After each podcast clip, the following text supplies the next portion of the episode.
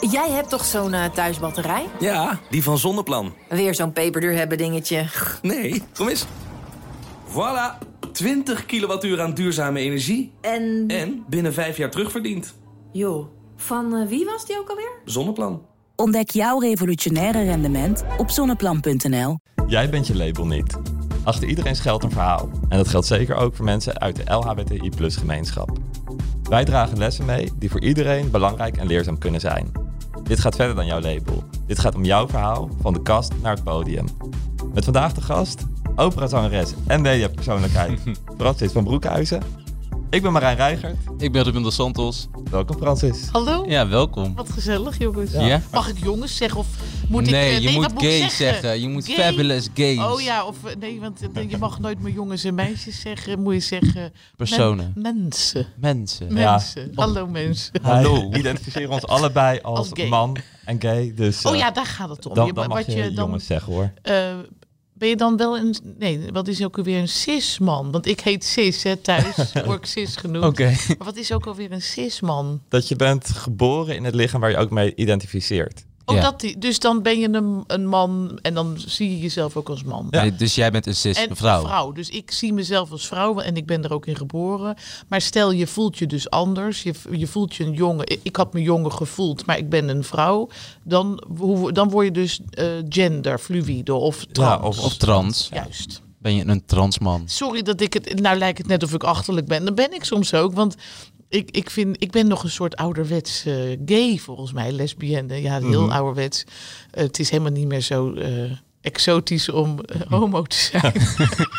je moet eigenlijk, als je echt een beetje mee wilt tellen in de LHBTIQ plus eh, community, moet je een lettertje hebben later in het alfabet. Ja. Dan ben je echt hip. Maar vind je, het, vind ik hoor, vind ik. vind je het wel eens lastig? Al die Nou, ik vergeet steeds. eh, Ik weet dat het LHBTIQ is. Dat, eh, dat eh, heb ik nu wel in het vizier. Maar toen ik gevraagd werd als Pride-ambassadeur, dat was in 2018.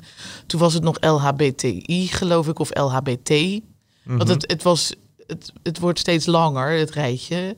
En toen zei ik tegen, toen zei ik tegen die mensen daarvan, waar is de H van hetero? Nee, toen zeiden ze, nee, die doen niet mee, want dat is de norm. En wij zijn buiten de norm. Ik zeg, oh ja, dat is wel een goede uitleg. Want ik dacht, waarom doen we dan niet alles inclusief? Wat maakt het eigenlijk uit? Want ik, Ja. wat ik het liefste wil, en waar we naartoe zouden moeten, is dat het eigenlijk. Die labels zijn wel belangrijk. Hoorde ik gisteren ook nog op de radio. eh, was Splinter Chabot. En er komt een dichtbundel uit met eh, allerlei gedichten. Ook over coming out en wat dan ook. Want het is natuurlijk roze juni maand. En, Ja. ehm, maar toen zei er ook, zei Guylaine Plag van ja, maar die labeltjes die moeten toch eigenlijk niet. En toen dacht ik, oh ja, dat is weer typisch een hetero vrouw die dat, eh, die wil heel lief zeggen dat niet. En toen zei er iemand, ja, we willen soms wel die labeltjes, want je wil soms gewoon even kunnen refereren aan mensen die je normaal dus niet ziet. Ja. Ja. Want we, we zien dus eigenlijk heel weinig nog steeds mensen waarmee je je kan identificeren. Daarom al, al die films of boeken die verschijnen met mensen die herkenbaar zijn voor jou, buiten de heteronorm die je de hele dag ziet Ja. hè, in film en boeken, is het heerlijk als je ze nu dan eens een film ziet zoals ik toen zag ooit. Tipping the Velvet was een serie eh, uit eh, Engeland, heel mooi, uit de 19e eeuw, waar een vrouw dus verliefd wordt op een verklede man, een vrouw die verkleedde zich als man op het toneel. Nou, dat was voor mij zo'n erotische serie en dat ik echt snapte van ja, dat dat herken ik. Zo steek ik in elkaar. En, en dat was, dat, daar had ik zoveel gevoelens bij. Wat je bij een normale film, of laat ik dan zeggen, een film met hetero. Het klinkt alweer zo raar normaal. Maar een film met hetero stellen, keek ik altijd naar die, die vrouw. Ja. Als zijnde dat ik die man was. Maar dat is toch raar. Je kan het dan niet helemaal plaatsen. Er was geen representatie voor jou toen. Die... niet, nou weinig. Da- Daarom dat eh, heel vroeger, eh, denk ik, de opera voor homo-mensen, voor homo's, mannen, die, die gingen altijd naar de opera. Omdat dat groots en meeslepend is, mooie jurken, vonden homo's natuurlijk mooi. En dat was gelijk een ontmoetingsplaats voor hun. Oh. Ja, dat is heel leuk. Dat in de operawereld is het helemaal niet gek om homo te zijn. Helemaal niet. Dat is gek om hetero te zijn. Ah. En, eh, en dat was dus ook voor daar was het, had je codes in de jaren 30, 40, 50. Dat je wist dat als je naar de opera ging, dan wist je dat daar mensen in het publiek zaten van gelijk eh, eh, gevoel. Oh. En dan kon je daar elkaar ontmoeten zonder dat je eh, dacht van nou zit ik hier wel goed. Want er zaten veel meer homo's die allemaal zaten te gillen naar die diva's en zo. Net zoals nu de mensen naar de, de, het Songfestival gaan, om het zo Oh. maar te zeggen. Weet je wel? Songfestival is het nieuwe opera. Nou, in die zin, dat is allemaal zo extravagant en groot en kleding en gekkigheid. En Ja. het is openbaar nu, want alles is niet meer geheim. Maar vroeger moest alles in het geheim. Ja. Hè, dat, en dat is nog niet eens zo lang geleden. Nee. En er zijn nog zat landen op de wereld waar nog steeds Nou, dat vind ik gewoon walgelijk. Ja. Maar goed, dat, eh, eh, ik ben blij dat ze nou gestopt zijn bijvoorbeeld met geld geven aan Oeganda. Dat is dus heel goed. Eh, of het helpt, weet ik niet. Maar dat, dat komt dus ook weer. En jullie weten, ik ben ook katholiek. Ja, ik begin gelijk. Hè, maar dat komt ook weer door eigenlijk de enorme ehm, WASP-mentaliteit. Dus de White Anglo-Protestant Americans. Die gooien al die, eh, noem het maar propaganda, anti-homo-propaganda, naar die landen. En daarom zijn die, die Oegandezen zo verschrikkelijk streng. En, en ja, ik vind het toch, als ik het mag zeggen, achterlijk. Ja, Nou, spijt me. dat- eens. Ja, wij ook. Ja. het is eh, echt achterlijk. En Maar goed, in Rusland zijn ze ook gek. Dus, Ja. Nou, en in eh, Polen, Polen, zijn ze ook een beetje zeggen. apart. Eh, Hongarije. Het, is, het wordt wel steeds moeilijker op de wereld. Als ik eh, Claudia de Breij dan ook hoor zeggen hoeveel landen er eigenlijk zijn waar je niet op vakantie kan, bij wijze van spreken. Niet dat ik graag de hele tijd al die landen af wil lopen, maar eh, ik, ja, dat is wel zorgelijk. Ja, want jij houdt ook helemaal niet van vliegen. Dus voor Niet jou zo, komt het nee, goed, goed zo. uit. Nee, ik zit het liefst in Nederland. Zo lekker. Lekker in mijn eigen fijne Nederland.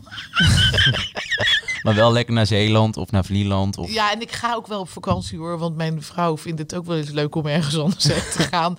Ja, Nou, komt goed uit voor jou. Ja, heerlijk. Heerlijk. Je vrouw blij, jij blij. Maar jongens, vertel, jullie hebben een vraag misschien. Ja, we hebben zeker een vraag. Eigenlijk onze eerste vraag was, vind je jezelf succesvol? Eh, oh, dat is wel een leuke vraag. Ja, ik vind mezelf wel succesvol. Maar misschien op andere manieren dan mensen dat zouden zien. Ehm, ik- ik heb in mijn werk, want ik heb een hele gekke carrière als operazangeres, eigenlijk. Maar dat vind ik dus heel leuk dat dat is gelukt. Want ik heb een soort eigen niche gecreëerd.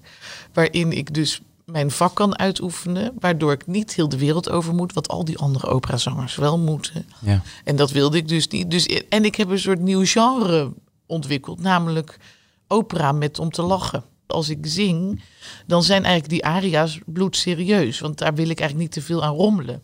Alleen eromheen en de verhalen eromheen... en de anekdotes over opera-diva's... en wat er allemaal op het toneel kan gebeuren... omdat ik dat zelf al jaren meemaak...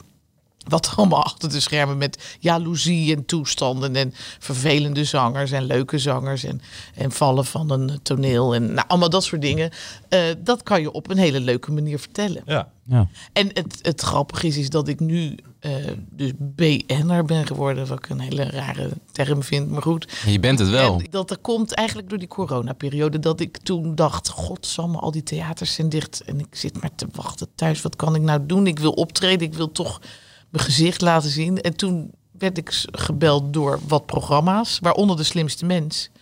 Nou, dat had ook na één aflevering weer klaar kunnen zijn. Maar daar Ja. bleef ik maar in zitten en, en daar heb ik die finale gehaald. En dat, daar kijken 2 miljoen mensen naar. En als ze je dan leuk vinden, de mensen, ja, dan is het dus klaar. Want dan ben je dus bekend. Want dan Ja, kan je dus niet meer over straat. in allerlei programma's. Ja, nu weer veel minder Ja. dan tijdens die coronaperiode. Want nu treed ik weer de hele tijd op. Ik doe nu twee tournees tegelijk. is eigenlijk een beetje te gek. Maar goed, ik vind het superleuk.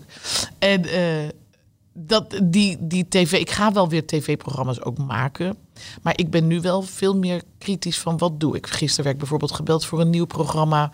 Eh, ik geloof dat ze weer een, een oud programma nieuw leven in gaan blazen. En dan zeg ik, ja jongens, wanneer zijn die draaidagen? Nee, kan niet. Maar ik, ik wil ook niet meer aan elk spelletjesprogramma meedoen. Omdat ik dat dan weer niet... Ja, ik vind een heleboel tv ook natuurlijk een beetje... eh, Tegenwoordig is niet want- zo sterk. Want wat ik me dan afvraag, want wat ik me dan afvraag Ja. is, eh, je hebt natuurlijk wel een bepaalde brand, een merk, zeg maar, om Ja. hoog te houden. Ja. Hou je daar ook rekening mee Ja. als je meedoet aan programma's? Want ik hoorde dus dat je niet meedeed aan Ranking the Stars. Nou, daar heb ik, toen hebben ze me er toch één keer ingeluisterd door een soort... eh, Paul de Leeuw had toen een programma, Pauls Op één Show. Dat vond ik heel leuk. Ja. En eh, hij heeft honderd keer gevraagd, doe je mee aan ranking? Ik zei, nee, dat doe ik echt niet, want dat vind ik zo plat. En ik vind het wel leuk om naar te kijken, maar als ik er zelf zit, is beginnen over plassen en eh, als Patricia Paarder zit. En ik, nou, ik vind dat echt too much eigenlijk. Want ik lijk wel heel, ik ben heel low profile, maar ik vind ook, ik ben ook high profile. Dus ik, ik wil niet de hele tijd alleen maar plat. Er moet wel een beetje kwaliteit bij zitten. Dus de slimste mens, weet je dat het ja. wel een beetje kwalitatief wat meer heeft dan Ranking the Stars. En ik, eh, ik heb ook meegedaan aan dat. Dat vond ik dus een heel leuk programma. Die eh, All Together nou, wat een heleboel mensen Oh ja. ook de 100 hebben genoemd. Waar we met die, maar dat ging over zingen. En alles wat met zingen te maken heeft, welk genre dan ook, dat vind ik superleuk. Dus heel vaak, als ze me vragen voor iets, dan wil ik toch een mopje kunnen zingen. Kijk, en door die slimste mens, dan heb je die talkshows. En ik vind ook al dat ik overal verstand van heb. Dat is helemaal niet zo, maar dat vind ik wel. Ehm, dan, en ik ben een makkelijke babbelaar. Dan zeggen die talkshows heel snel: kom je dan en kom je zus en kom je zo. En in het begin, toen ik dus toen alles dicht was, ben ik gewoon overal gaan zitten. Want ik denk dat dan word ik koningshuisdeskundige. Dan kan ik ook nog wat poen voor vragen. Want het is ook niet zo dat je er heel rijk van wordt van al die tv-dingen. Denken mensen ook, hè, dat je meteen door de tv gelijk allemaal goud verdient. Dat is helemaal niet zo. Bij die talkshows krijg je niks. Moet je allemaal maar zitten voor Jan het, eh, met de achter, korte achternaam ja. superleuk. Maar nu heb ik besloten om bij talkshows vooral te zitten als ik een, een show te verkopen Ja. heb of wat dan ook. Iets, iets meer gericht. En je bent wel bij ons hier aangeschoven. Ja, maar dat is belangrijk, want dat heeft te maken met eh, hoe zetten we onze community op Ja. de kaart. En jullie hadden ook een bepaalde boodschap daarmee. Namelijk niet de hele tijd die slachtofferrol. ja. eh, waar we de hele tijd maar ingedrukt worden door media en door wat er gebeurt incidenteel. Laten we dat even voorop stellen. Maar waar we wel over moeten denken is bijvoorbeeld structureel dat mensen eh, eh, toch nog bepaalde ideeën hebben over onze community. En daar is het wel leuk als we daar met dit soort podcasts eh, kunnen laten zien dat al die, die vooroordelen die nog steeds bestaan, dat dat dus vooroordelen zijn. En dat dat dus niet helemaal klopt.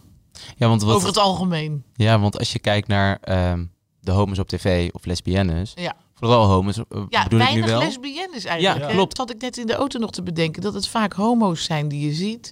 Nu met Make Up Your Mind zien we ook leuk de drag. En zien Ja. we dus eh, Vanessa van Cartier, onze trans eh, drag queen. Wat ik, een- daar ben ik van de week weer even geweest naar de drag show. Nou, dat was natuurlijk weer fantastisch leuk om te zien. Eh, maar het is over het algemeen, is in de entertainment business is het veel homoseksuele mannen. Ja, en heel vaak ook een beetje extra, of ja, heel flamboyant en ja, heel maar dat is omdat ze gieren. graag willen entertainen. En Ja, eh, omdat ook. ja, dan, dan zit je dus altijd weer met die vooroordelen die ik dan ook een beetje heb zelf. Mhm. die- dat eh, homo's hebben vaak, die houden van veel veren en eh, eh, lekker groots en meeslepend en glitters. En, en lesbische vrouwen, die zijn vaak, die willen wat stoerder zijn. Ja. Als we het even stom gewoon plat zeggen. Laten we nou heel even dan, heel even vooroordelen. toch zeggen dat die, dat die vrouwen, die willen altijd een beetje, die loop ik ook. Ik loop dan gewoon een beetje lullig in de rond op mijn gimpies. En ik, eh, of ik er nou goed uitzie of niet, dat interesseert me eigenlijk niet zo. In de opera trouwens, wel leuk, in de 18e eeuw werd daar ook al heel veel mee gespeeld met gender. En dat zie je vooral in Mozart-opera's. Waarin eh, er figuren rondlopen, zoals Cherubino in de Nozze di Figaro. Dat, dat is een mezzo-sopraan, dus een vrouw die zingt een jonge jongen. En daar is altijd al, wordt daar ook gespeeld. Je had vroeger natuurlijk ook castraten. Dat waren eh, jongens die op de twaalf werden gecastreerd. Dan bleven ze mooi hoog zingen. Oh, Ja, oh, dat wist jij niet. eens. nee, dat Ja. wist ik niet. Nee, dat is heel... Jij wel? Ja. Oh, Nou, en had je dus jongens die hadden een prachtige stem. Die zongen als een meisje.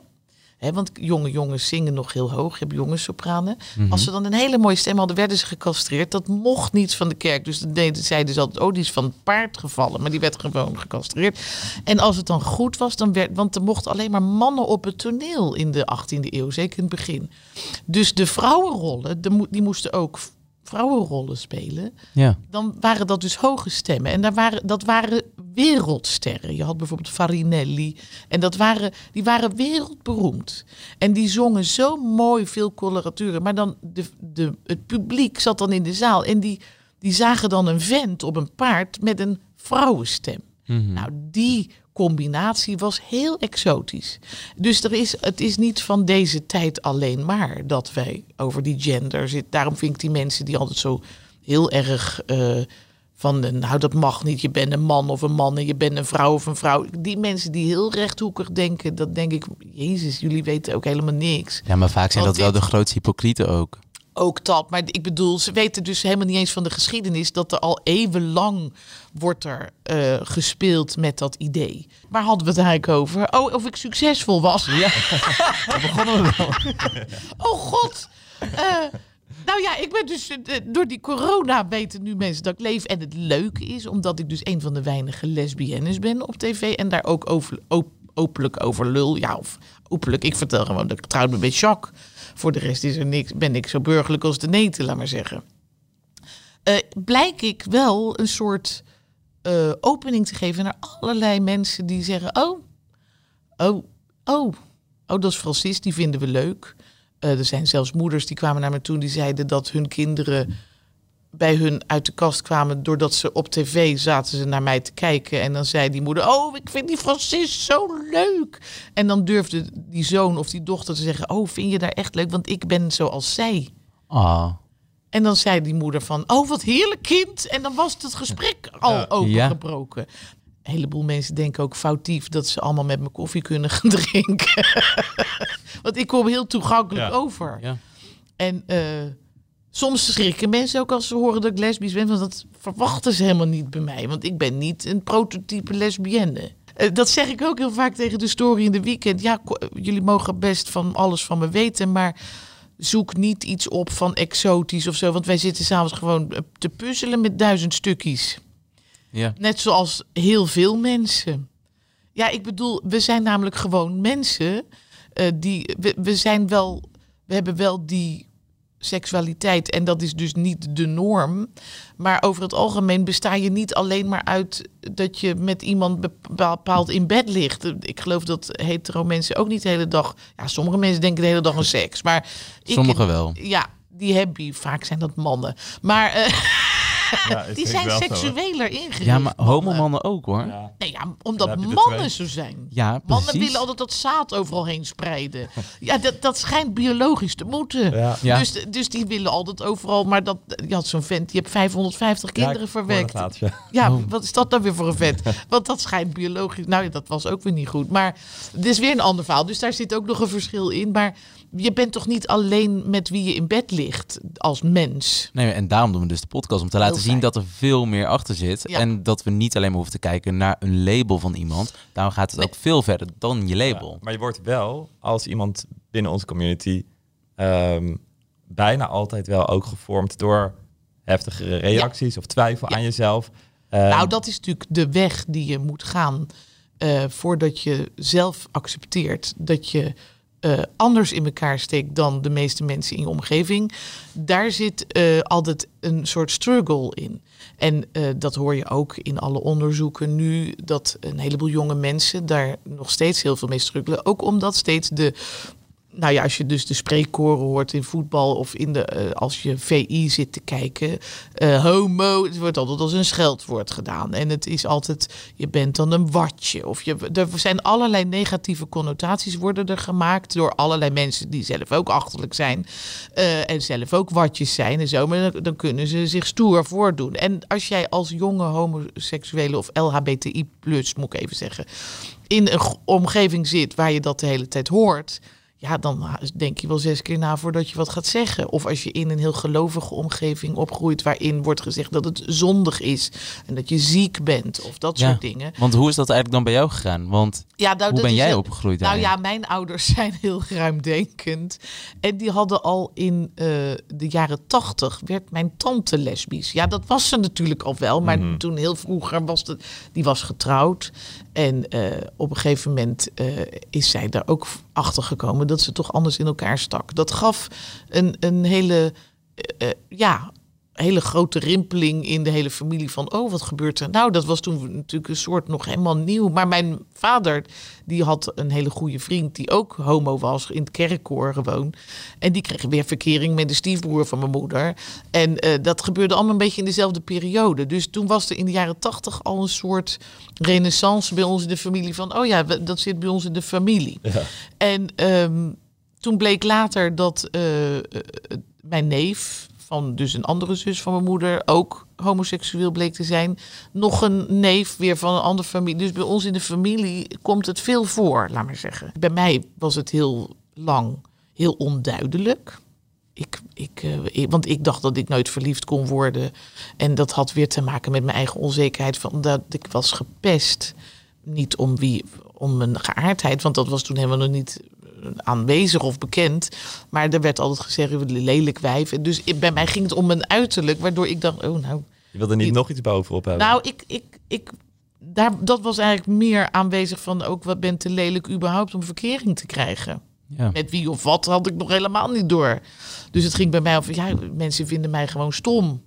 Dus die hele seksualiteit eh, was ook bij mij helemaal niet zo aanwezig. Dus, dus laat maar zeggen, bij mij was het in mezelf. Ik denk dat mijn moeder wel al heeft gevoeld. Want ik was altijd een beetje stoer. Mijn, mijn broer Dick, hele leuke broer. Ik heb hele leuke broers. Die was altijd een beetje tuttig, een beetje wijs. En ik stond er altijd in de foto heel stoer naast. En, en ik wilde altijd met de jongetjes spelen. En eh, weet je wel, voetballen. En, eh, dus ik was wel een stoer kind of zo. Maar dat, ik, dat seksuele kwam bij mij niet zo, niet zo los, want ik wilde altijd het klooster in. Nou, dat, Ja. Dan denk je helemaal niet na over seks. Dan denk je aan, na aan- over dat je in de Sound of Music wil wonen. Ik heb dus ook jarenlang in een klooster de mis gediend, Ja. drie keer in de week. Dus ik was altijd omringd wel door vrouwen, maar dan in een hele kuise vorm. En heel, heel devoot en, en allemaal met de heilige Maagd Maria. En uiteindelijk gingen die zusters verhuizen. Toen ging ik in de gewone kerk de mis lezen. Maar toen raakte ik al meer in de ban van opera. En toen ging eigenlijk al mijn liefde en mijn, mijn energie... ging dus niet op van je wordt verliefd op iemand in de... maar dat ging naar Maria Callas. Die is dood. Maar goed, dat, werd, dat, dat was Toen mijn idool. Nee, ja, die was al lang dood. Oh, die was toen al dood? Ja, al Oh. lang. Die is in 1977 Oh, ja, overleden. maar ik, ik, ik was altijd dan helemaal... Ik ben altijd heel goed in op de verte adoreren. En dat is ook makkelijk, want dan heb je ook voor de rest nergens last van. Want je wordt niet afgewezen door al een dood idool. Dat daar kan je van alles bij fantaseren. En ik denk dat het dus meer te maken heeft met dat ik...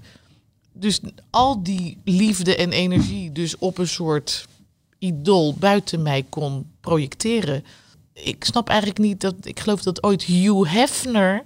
En dat is dan weer die vent van die Playboy. Penthouse of Playboy. Ja? Die, die had ook rechtszaken. Want eh, die pornografie hè, in Amerika is natuurlijk allemaal foute boel. En die zei van, we kunnen wel de hele dag naar geweldsfilms kijken, naar oorlogsfilms waar mensen elkaar de kop inhakken, maar eigenlijk waar mensen liefde of seks, ja goed, pornografie is misschien niet echt liefde, maar eh, iets wat, dat is allemaal foute boel. Ja. Hoe, hoe fout denken wij eigenlijk? Terwijl dat toch wel iets is dat bijna iedereen doet. Maar elkaars kop eraf hakken, dat zou gewoon ook... Nou, maar dat, dat is eigenlijk normaal. Ja. Dat nu, we zien nu de oorlog in Oekraïne. Ik bedoel, wie verzint het om weer oorlog te gaan lopen verzinnen? Nou, die, die mensen zijn dus echt niet wijs. Maar wij worden gezien als een psychiatrische ziekte door sommige mensen. ja, precies. Nou, daar zit toch echt wel een verkeerde gedachtegang, vind ik. Zeker. ja, Even voor de mensen thuis. Die zou Altijd, denken. ik ben altijd zo streng. Maar ik, ik vind daar dus eh, ook, eh, ook dat, dat je dus... eh, nou, daarom is, is het toch heel fijn ook dat we Raven van Dorst hebben. En ook dat we eh, die leuke eh, acteur hebben. Nou ben ik hen naam kwijt. Toorn? Toorn. Ja. Toorn, ook zo'n leuk mens. Ja, en, en dan ging ik vragen aan Toorn. oh god, ik snap die voornaamwoorden nog niet helemaal goed. Wat moet ik nou doen? Ja, je kan gewoon zeggen Toorn of hen en of they. Hè, dat is vanuit het Engels. Maar wij hebben er ook last van hoor. Eh, wij- Het lukt ons, of ja, last. eh, Het lukt ons soms ook niet om iemand aan te spreken met hen terwijl het wel weten. Omdat je zo gewend bent om Ja. hij, zij. Dus je moet nog even steeds een beetje nadenken. Maar ik vind Precies. het wel vind, en dan zullen mensen wel weer zeggen, oh wat woke dat jullie dat nou doen. Nou, ik ben helemaal niet woke, maar ik vind het gewoon, het heeft te maken met respect voor elkaar. Precies. Ja. Het heeft niks met woke te maken, maar gewoon met dat je probeert een beetje aardig te zijn voor je Want dan doe je medemensen. zelf geen kwaad door gewoon rekening te houden met het ander. Daar ga je zelf niet aan. Nou, dat is het eigenlijk. Dus eigenlijk die mensen die dat dan weer woke noemen, want dat is nu ook weer, als je dus eh, eigenlijk aardig wil zijn voor mensen die misschien niet gelijk eh, in je eh, opkomen in je hoofd, dan ben je ineens woke. Dat zeggen vooral die rechtse lui. Mhm. Nee, het gaat om respect, om aardigheid. Was vanochtend ook een discussie op de radio over racisme. Moet je daar wat van zeggen? Omdat Eloïse dus blijkbaar gisteren Ja. ineens zei van... Dat is, die, die kwam helemaal op ervoor, super leuk. En dan is het dus weer, waarom doen we dat niet met z'n allen? Ja, omdat je bang bent dat je een mes in je ribben krijgt. Ja. Het heeft allemaal te maken met normen en waarden. En die vervagen omdat eigenlijk niemand meer durft te zeggen als er iets raars gebeurt door geweld en doordat de politie niet handhaaft. Van hallo, eh, dit is gewoon niet zo aardig of dit is gewoon niet leuk. En je moet niet eh, mensen als aap uitschelden of als homo als ze net een goal niet maken. Of, want het is vooral ook toch in die grote groepen hooligan troep. Eh, want daar zijn die incidenten ook de laatste tijd weer mee geweest met regenboog. Ook iets, zoiets. Een regenboog. Dat is dus een natuurverschijnsel die je ze nu en dan in de wereld ziet. Hè, als het regent en de zon schijnt. Dat Ja. is dus een natuurlijk iets, namelijk zijn verschillende kleuren. Dat hebben wij als symbool voor de veelkleurigheid van onze community. Wat, ken je, wat is daar nou aanstootgevend aan? Ik kan daar niet over uit. Het is leuk, kleurtjes, gezellig. Niks aan de hand. Als jij die regenboogvlag niet wil, dan hang je hem niet op. Maar blijf met je poten van die regenboogvlag af. ja, precies. 100%. Ja. Wat blijft er vanaf? Ik vind het ook debiel. Ja. En, Wat is echt- dit voor, ja. voor Neandertaler gedoe? Ja, maar het komt gewoon. Ja, het- het- en dat is, dat is dus ook een beetje het ding. En dat komt ook heel erg vanuit het geloof. ehm, bij Nee, maar dit waren die hooligans toch? Ja, maar dat, dat komt weer omdat ze. Het is ook dat, een soort dat ze- geloof, hè? Ja, ik denk Voetbalgeloof. voel jij druk vanuit je rol als Pride Nee. ambassadeur? Nee. Nee, want ik doe toch wat ik wel wil en niet. Dus jullie bellen, dan denk ik, oh, dat vind ik wel leuk. En als dan weer iemand anders belt, ik denk, nou, Laat nee hoor, nou even niet. Dan zeg ik gewoon nee. Ja. Het, het, het moet een beetje organisch gaan, vind ik. Ik ben heel benieuwd straks naar jullie serie-podcast. Want daar ga ik natuurlijk weer lekker naar luisteren. Want dan ben ik heel benieuwd. Vertegenwoordigt diegene mij? Of denk ik, hmm, toch een beetje jammer? Zou kunnen. Of denken ze dan kunnen. bij mij? Dat zou ook kunnen. In eh, deze serie stellen ook al onze gasten een vraag aan elkaar. Oh, en wie is dat? Dat is eh Roel Veldmeijer. Die heeft, dat is, eh, Wat ken ik die? dat oh een- jezus, ik dat is een eh, ondernemer. Hij Oh. heeft Game States, eh, van die arcadehallen. Oh, leuk. eh, heeft hij een enorm bedrijf. Dus hij is daar de eigenaar van. Gaaf. En hij heeft een vraag voor jou eh, Oh, eh, exciting. opgesteld. Ja, beste Francis, met bewondering en vooral veel plezier eh, kijk ik vaak naar je media-optredens. En eh, meestal wordt je natuurlijk uitgenodigd vanwege je muzikale achtergrond en kennis. En zelf ben ik al sinds kind groot fan van het Eurovisie Songfestival. Maar ja, net zoals zichzelf eh respecterende homo zou ik bijna willen zeggen. ehm, eh, iedereen, eh, je ziet dat dat echt heel populair is binnen onze community. Mijn vraag aan jou is dan ook, hoe denk je dat het komt dat dit evenement zo populair is binnen onze community? En denk je dat het kan bijdragen aan de acceptatie van LHBTI'ers binnen Europa? Mm, vind ik een moeilijke vraag, want ik, ik, ik zie ook dat het vooral de laatste, sinds denk ik 2000 of zo is het heel erg gegroeid. Mijn neef, Dominique, die gaat echt naar al die steden toe waar het is. Die zit helemaal met vlaggen voorhand, die is helemaal wous. Eh, ik, ik vind dat super. En hij probeert ook altijd even in de camera te kijken. Dan zeg ik, oh, daar heb je hem weer.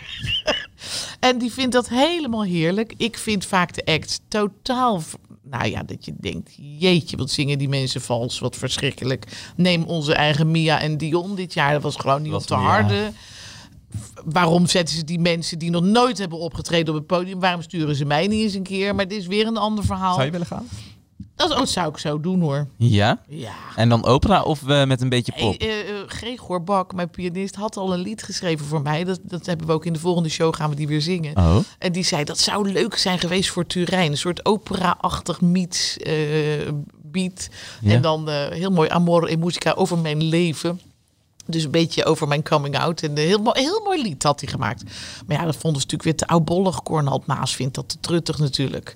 Maar eigenlijk hadden we dat moeten doen. Want ik denk dat we dan heel... Nou ja, of ik was Willeke Alberti geworden met vier punten. Maar ik was niet zenuwachtig geweest voor het publiek. En ik zing niet vals. Dat is een ding wat zeker is. Dat, dat is En, zeker, eh, ja.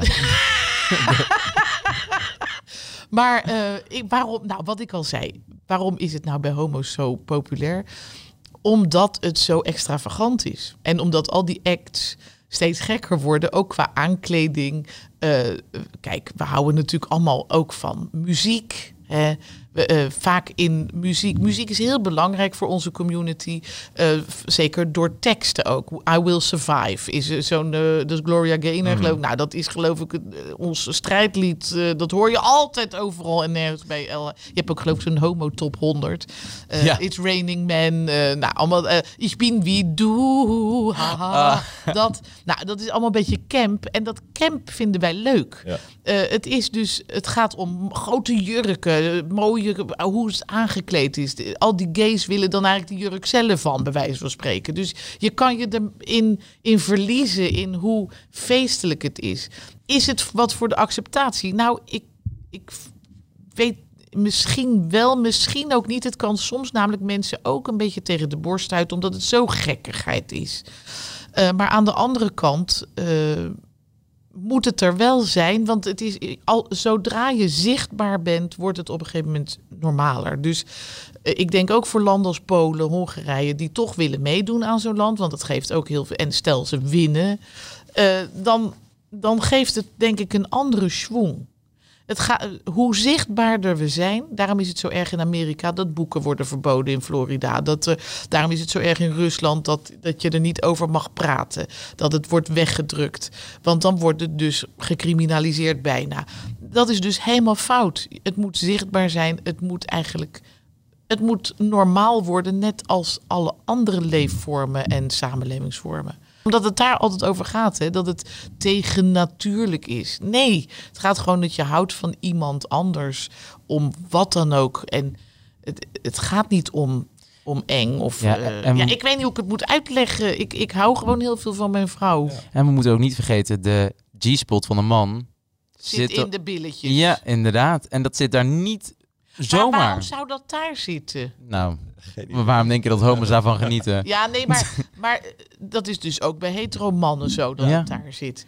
Dus dat is toch biologisch schijnbaar zit het daar. Ja, maar omdat het in principe gewoon een hele natuurlijke plek is, blijkbaar. Om, Om, toch om ook toch, iets in te ja, douwen. nou, of om gewoon, al is het een vinger of wat dan ook, om hem daar te stimuleren op zijn minst. stimuleren. Ja, dat denk ik. Ik heb ook geen idee, maar daar heb ik te weinig eh, gestudeerd voor de biologie. Als ik nog even kijk naar vroeger bij jullie thuis. In het Ja. programma met eh Art Royakkers. Ja, vertelde Wat een je- zootje, hè? Ja, bij ons thuis. Ja, nou ja, jullie vertel, je vertelde ook dat ehm, vroeger je met de familie ehm, een pornofilm ging kijken ter Nou, dat doet, deed mijn moeder. Mijn moeder, die, wij hadden filmnet. Want mijn Ja. vader vond al die gadgets altijd leuk. Dat heb ik ook een beetje van mijn vader.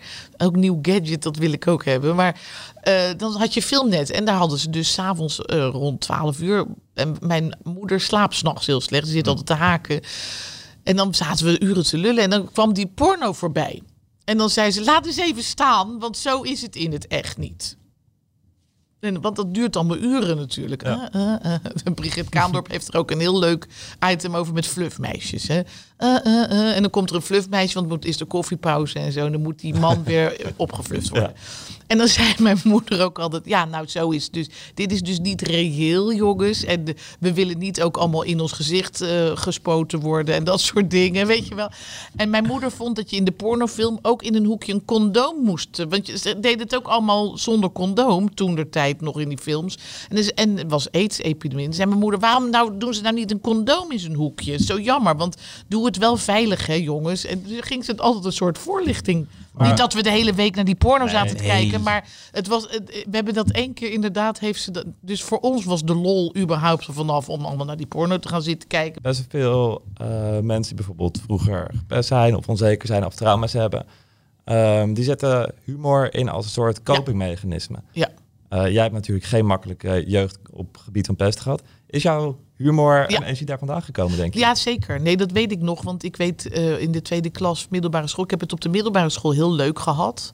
En dat kwam toen omdat ik toen op de MAVO terecht kwam. Eh, ik ging van VWO-advies, helemaal zakte ik weg. Nou, want ik zat weer in dezelfde klas als de lagere school.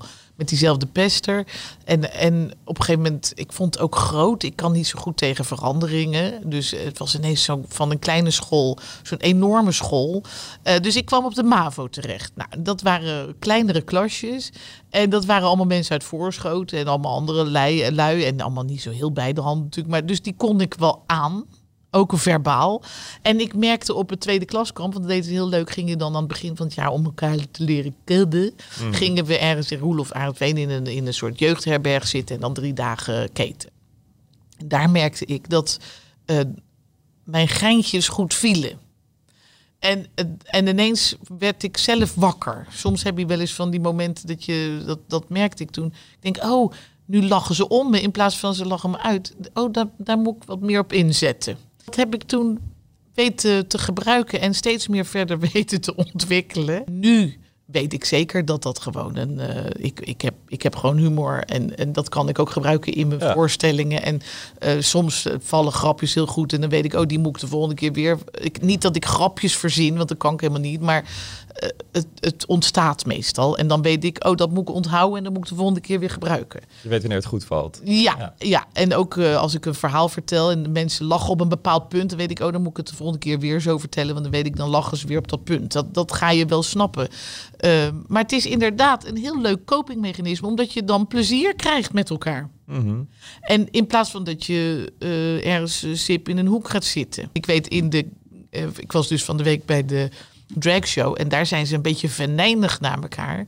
Hè, dat, is, dat is een soort. Dat noemde hij. eh, Justin noemde dat. Die is eh, Janie J.K. Die noemde. had een bepaalde naam. Dat ze Ja, dat Ja. is het. Ja. En ik zeg, maar ik zeg, ik heb toch het gevoel dat jullie wel van elkaar houden. Ja, want dat is eigenlijk uit liefde zeik je elkaar af. Ja, ik, ik, ik deed dat eigenlijk vroeger ook altijd bij mijn beste vrienden. Helemaal onbewust. bij oh, oh ja, hij is, hij is mijn beste vriend, maar Ja. dat doe ik ook bij hem. Dan, dan, ja, dan scheld ik hem een soort van verrot. Maar dan is het op zo'n Ja, dan is het leuke, een- grappige en manier. jij vindt het ook geinig. Ja, als Ja. je het terug mag doen. Ja, Hij mag het terug doen, dus dan is het goed. Ik zelf vind dat altijd lastig, omdat ik, ik ben... Zelf steek ik niet zo in elkaar. Dus ik zal nooit een ander heel erg heftig... Nou, bij Dominic Zeldis heb ik... Dan zeg ik, ik ben maatschappelijk werker gespecialiseerd in ouderenzorg. En dan wijs ik naar hem. Hij is drie jaar ouder. Eh, dat, is, dat vind ik mijn heftigste grapje. Ja. Kan je Dat nagaan. is een eh, goede lichte vorm van shade. Ja, heel licht. Met humor kan je heel veel relativeren. Ja. Daarom vind ik, ehm, vind ik het zo jammer bijvoorbeeld dat in bepaalde discussies, ook over racisme, debatten en zo, eh, als je soms een beetje humor erin kan brengen, dat je het een beetje relativeert, zou je veel meer mensen kunnen bereiken. Eh, die dan zeggen van ja, daar heb je eigenlijk wel gelijk in, dat moeten we niet meer zeggen. Maar bijvoorbeeld Sylvana Simons vind ik eigenlijk altijd hele goede dingen zeggen. Maar die is zo bloedserieus en zo boos eigenlijk de hele tijd. Terecht, terecht. ja. Maar als zij zo nu en dan eens een klein geintje erin zou kunnen brengen, dan zouden, zou ze veel meer mensen mee kunnen trekken. Ik denk dat je met humor taboes kan Ja. bestrijden. En ook mensen naar jouw kant kan krijgen. Als je die wil hebben aan jouw kant. Maar dat geldt dus voor alle discriminatie. Zeker. En ik vind bijvoorbeeld in heel veel discussie, eh, zeker met ook ra- raciale discussies, een heleboel zwarte mensen zijn nog wel heel erg anti-homo, bijvoorbeeld. Ja. En daar vind ik wat van. ja, maar dat Want- komt door de macho-cultuur. Ja, maar waardoor komt, maakt niet uit. Maar hoe kan je heel erg kwaad worden op, eh, discriminatie naar je ras en het andere wel doen? Ik vind alles wat mensen wegzet, in welke vorm dan ook, daar moeten we tegen zijn. Ja. En eigenlijk moet je Mhm. met z'n allen één blok vormen. Precies, juist die minderheden samen. Juist die minderheden samen. En ik vind dus dat, die- dat zwarte mensen dus ook moeten zeggen... ja, dus we moeten ook opkomen dan voor die LHBTI. En, want wij, wij snappen hoe ze het voelen... want wij worden ook de hele dag eh, dwars gezeten. En wij, en wij als LHBTI moeten dat andersom ook doen voor de zwarte. Want wij snappen hoe het is om als minderheid gezien te worden. Ik zal het altijd opnemen voor, of tegen discriminatie, racisme. Dat vind ik verschrikkelijk. Mhm. Want het slaat nergens op. Want het gaat om, om uiterlijkheden of dingen die mensen hebben waar ze niks aan kunnen doen. Ja. Je, je moet mensen beoordelen op zijn ze aardig of niet. Dat is het enige waar je ze op moet oordelen. Dus ik probeer altijd heel lief te zijn naar iedereen. En dat lukt me ook niet altijd. Maar dat is wel mijn eerste insteek. Om gewoon aardig te zijn. En heel vaak als je heel aardig bent naar iemand, dan krijg je dat ook wel terug. Precies. Ja. Over het algemeen. En ik heb ook heel veel dingen, bijvoorbeeld in, in Lourdes als vrijwilliger, heb ik een gesprek gehad met een priester. Dat vertel ik ook altijd. Die zei, eh, toen wilde ik biechten. En toen bleken vier moorden minder erg te zijn dan lesbisch. En het gekke is, is dat zo'n man dat dan zegt, dat neem ik geen eens. Dat, dat vat ik geen eens op als belediging. Naar mij denk ik, oh, die man is niet helemaal goed. Nee. Nee, maar dat het is ook zo gek dat ik dan niet denk. Een heleboel mensen die zoiets horen zijn dan beledigd. Maar Dat heb ik allemaal niet, want dat gaat. Ik, want ik snap wie ik ben. En dit gaat dus niet over mij. Dit gaat, iets, dat gaat over hem, dat hij zo achterlijk denkt. Ja. Maar ben je dan niet heel snel uitgepraat met die man? Nou, dan zeg ik, ach jee, wat jammer. We hier, hier scheiden onze wegen. Want hier kan ik nu niet meer mee door een deur. Want zo denk ik helemaal Nee. niet. En, en ik denk dat u ook niet meegaat met mij. Dus wat jammer, ik zal voor u bidden, heb ik toen gezegd. En dat zei hij toen ook. Ja, ik voor u. Ik zeg, nou, dat hebben we dan wel weer meegenomen. Nee. ja, dan maak ik er ook maar wel weer een geintje van. Want dan is, ook met mensen met complottheorieën moet je allemaal moet je allemaal geen ruzie mee maken, want dat heeft dus geen zin. Nee. Je moet met die mensen die hele extreme ideeën hebben, moet je denk ik geen ruzie maken, want dat win je toch niet. Om even terug te komen op jouw pestverleden. Eh, ik denk dat heel veel LHBTI'ers daar mee te maken hebben of hebben Ja. gehad. Ja. Eh, is, de, is jouw pester, heeft, is die ooit naar jou toegekomen om zijn excuses aan te bieden? Nee, en dat hoeft voor mij ook niet. Ik heb nog op de begrafenis van zijn moeder gezongen, want zijn moeder werd later een hele goede vriendin van mijn moeder. Oké. En eh, ik, heb hem later, ik heb hem nog wel een paar keer ontmoet op de middelbare school. En toen konden we, toen we wat ouder werden, ging dat redelijk goed. En ehm, ik heb nooit tegen hem gezegd van, jij hebt me altijd zo enorm dwars gezeten. Dus ik denk dat hij dat zelf ook niet eens misschien zo, zo heeft. Een heleboel van die pesters weten vaak niet eens wat ze doen. Want wat, wat kunnen we ons voorstellen als jij gepest werd door hem? Wat, wat dat was er elke dan? dag werd ik uitgescholden. Of, eh, oh, dan heb ik dat stomme wijf weer. Ik was, hij had altijd gewoon de pik op mij. En dat, eh, dat. En ehm, ja, dat, dat, dat is heel vervelend. Mhm. Maar ik, uiteindelijk eh, heeft het me ook gemaakt tot de persoonlijkheid die ik ben. Ik pas niet in één groep, maar ik pas in heel veel verschillende soorten groepjes ook weer. Dus als het over Feyenoord gaat, ik, ik hou van Feyenoord. Ik ben niet een echte Rotterdamse, helemaal niet, want ik kom uit Den Haag. Maar ik kan wel met die mensen lekker erover lullen. Maar ik, ik sta soms gewoon alleen aan die zijlijn, maar ik heb wel linken ermee. Ja, het is een beetje gek. Ik hou ook van de kerk. En ook, nou niet de kerk zozeer, maar van Maria en, en, en rituelen. Maar ik vind de kerk vind ik weer een hypocriete zooi. Maar dus ik, ik sta aan de zijlijn. Ik kan overal over meepraten. Ik weet overal van. En ik heb gewoon mijn eigen, ja, mijn eigen leuke hoek daarin. Wat ik leuk allemaal vind. Ja, en, En, en ik hou daar eh, me aan vast. ik hoor je nou zeggen van ik hou van de kerk, van Feyenoord. Hou je ook van jezelf? Ja, ik vind mezelf toch wel heel leuk. Heeft ja. veel moeite gekost? Nou, eh, op eh, sommige eh, elementen van mezelf, dat heb ik echt pas de laatste paar jaar geleerd. Bijvoorbeeld mijn uiterlijk. Daar had ik altijd heel veel moeite mee. Dus de laatste jaren veel beter geworden. Oh, wat fijn. Ja, en, eh, want dat komt dan gelukkig door tv. En dan denk ik, oh, toch wel een leuk type. Ja. En eh, ja, dat, dat is wel... Maar eh, mijn zingen heb ik altijd geweldig gevonden. Ja, dat klinkt ineens heel arrogant. Maar Nee, dat, niet. ik vind gewoon dat ik altijd heel erg goed heb kunnen zingen. Dus Ja. Maar het is het wordt... ja, ook wel ik kennen. merk wel dat ik nu wat ouder word. Dat ik denk, oeh, nou, ga, nou moet ik echt op gaan letten. Dat ik ook echt netjes goed blijf zingen, weet je wel. Dus, maar ik weet dat ik in ieder geval heel mooi heb gezongen. Laat ik het dan zo zeggen. En ik weet ook dat ik een heleboel mensen veel plezier kan brengen. En dat, daar ben ik wel trots op dat ik dat kan. En ik, nee, ik vind mezelf wel leuk, ja. Gelukkig. Is dat gek om te zeggen? Nee, helemaal En, niet. en dat, dat, eh, dat lesbische, dat vind ik eigenlijk, dat hoort... ei- Toen ik ervoor uitkwam met terugwerkende kracht, dacht ik... Jezus, ja, dat ben ik natuurlijk mijn hele leven geweest. Want allerlei puzzelstukken vielen in elkaar. En dat klopte dus. Ja. En toen was ik eigenlijk zo opgelucht in mezelf. Van ja, natuurlijk Francis, waarom, waarom vecht je er zo tegen? Want omarm het maar gewoon. Want zo ben je. Dat was zo opluchtend. En dat, dat, dat zou ik iedereen kunnen aan. Ik vind het eigenlijk jammer dat ik dat niet eerder heb willen toegeven. Omdat ik daar toch wel een paar jaar ehm, een beetje mee heb verloren. In de zin van dat ik misschien wat meer had kunnen experimenteren. Aan de andere kant, ik ben nou eenmaal een beetje een laadbloeier. Dus het is ook niet zo erg als je er lang over doet door mensen die er vooruit willen komen. Neem gewoon je tijd. En kom ervoor uit wanneer jij denkt, nou nu ben ik er krachtig genoeg voor. En, en, en laat iedereen de tering krijgen die er moeilijk over doet. Want eh, die weten helemaal niet eh, hoe dat is. Of die zitten zelf vaak in, in narigheid. Als mensen vervelend tegen je doen, hebben ze zelf issues vaak. Klopt. En eh, andersom ook. Als jij een ander pad had bewandeld, was je misschien je vrouw helemaal niet tegengekomen. Nee, daarom. Dus ik ben wilt. dolblij dat ik... Ja. ik ben heel blij dat ik haar heb gevonden via een website. Was toen nog, we hadden toen nog geen smartphone. Dan had je gewoon nog je laptop, zo'n grote dikke kast. Weet je Daar wel. moesten we maar mee. Ja, en dan had je een, een website FemFusion.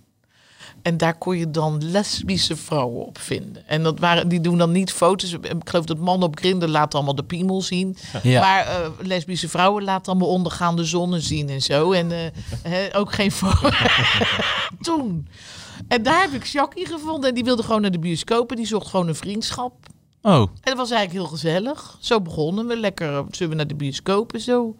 En dat was heel leuk. Lekker onrustig. Dus eigenlijk was zij ook jouw eerste seksuele ervaring dan? Ja.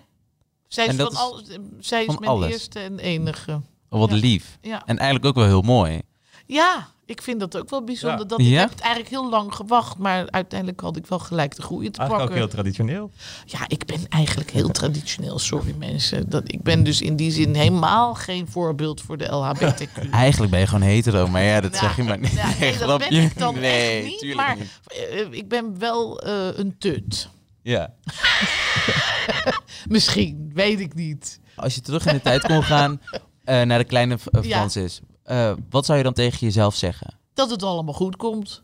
En dat, dat, je, dat ik gewoon moet doen wat ik altijd heb gedaan. Namelijk, dan had ik eigenlijk niks veranderd. Want ehm, eh, laat maar zeggen, de dingen gebeuren zoals ze gebeuren met een reden.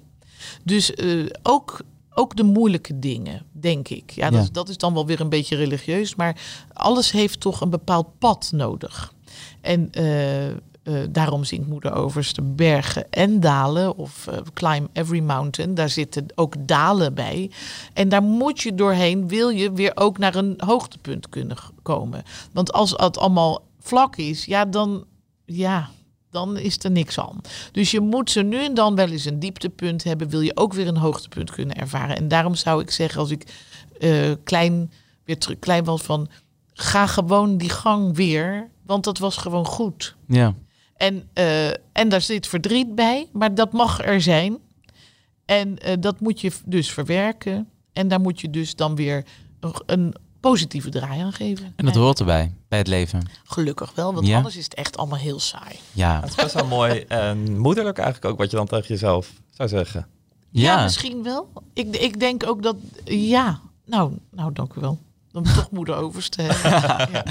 Ja, en dan heb ik eigenlijk als allerlaatste ding onze volgende gast. ja, Ehm, dat is presentator Harm Edens. ach, van eh, dit was het nieuws. Want dit was het Ja. nieuws. Hij heeft ook bij BNR een podcast over Want ik wist geen eens dat hij gay was. Ja, dat is hij dus wel. Die is hartstikke Oh. gay. Wat zou je van Harm Edens willen weten? En je mag alle kanten op denken. En je hoor. mag even nadenken natuurlijk. Ja. Dus hij, eh, hij is 61, dus hij is één generatie ouder dan ik. Hoe was het voor hem in die tijd eh, om uit de kast te komen? Wa- Was dat een, een struggle of, of ging dat redelijk goed? Eh, Uit, ik weet geen eens uit wat voor omgeving hij komt. Dus hoe, hoe is dat bij hem gegaan? Ja, nou, vragen. Ja, ik ben heel benieuwd Ja. eigenlijk. Want Ja. ik wist geen eens dat hij homo was. Dus dat is wel interessant. Ja. dan moet je dus wel naar de podcast gaan luisteren. Ja, Want dan kom je te weten. Ik ga alles luisteren. Hoeveel, hoeveel afleveringen komen er? Eh, tien in totaal. en hoe heet het ook alweer? Van de kast naar de podium? Of Naar het podium, ja. Ja, mooi. Nou, goed onthouden. Heel goed onthouden, jongens. Allemaal luisteren. Ik ben nu al benieuwd. Bedankt iedereen voor het luisteren naar deze aflevering met het eh, boeiende verhaal en een heel interessant van Francis van Broekhuizen. Eh, na dit gesprek willen mensen jou misschien ook wel volgen op social media. Oh, dan moeten ze gewoon naar Instagram gaan. Francis Verbroekhuizen. Of eh, Facebook. Ik heb vaak oudere mensen op Facebook. Nou, Daar kunnen jullie allebei kijken. Ja. Jullie kunnen... Oh, YouTube heb ik ook nog een kanaal. Oh, kijk. Sinds 1975.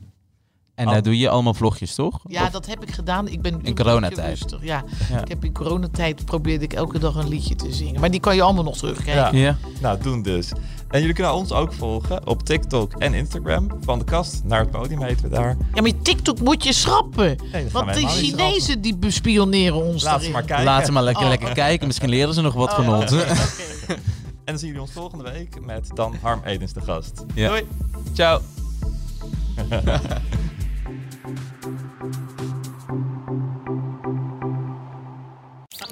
Jij hebt toch zo'n eh, thuisbatterij? Ja, die van Zonneplan. Weer zo'n peperduur hebben dingetje. Nee, kom eens. Voilà, 20 kilowattuur aan duurzame energie. En... En binnen vijf jaar terugverdiend. Joh, van eh, wie was die ook alweer? Zonneplan. Ontdek jouw revolutionaire rendement op zonneplan.nl.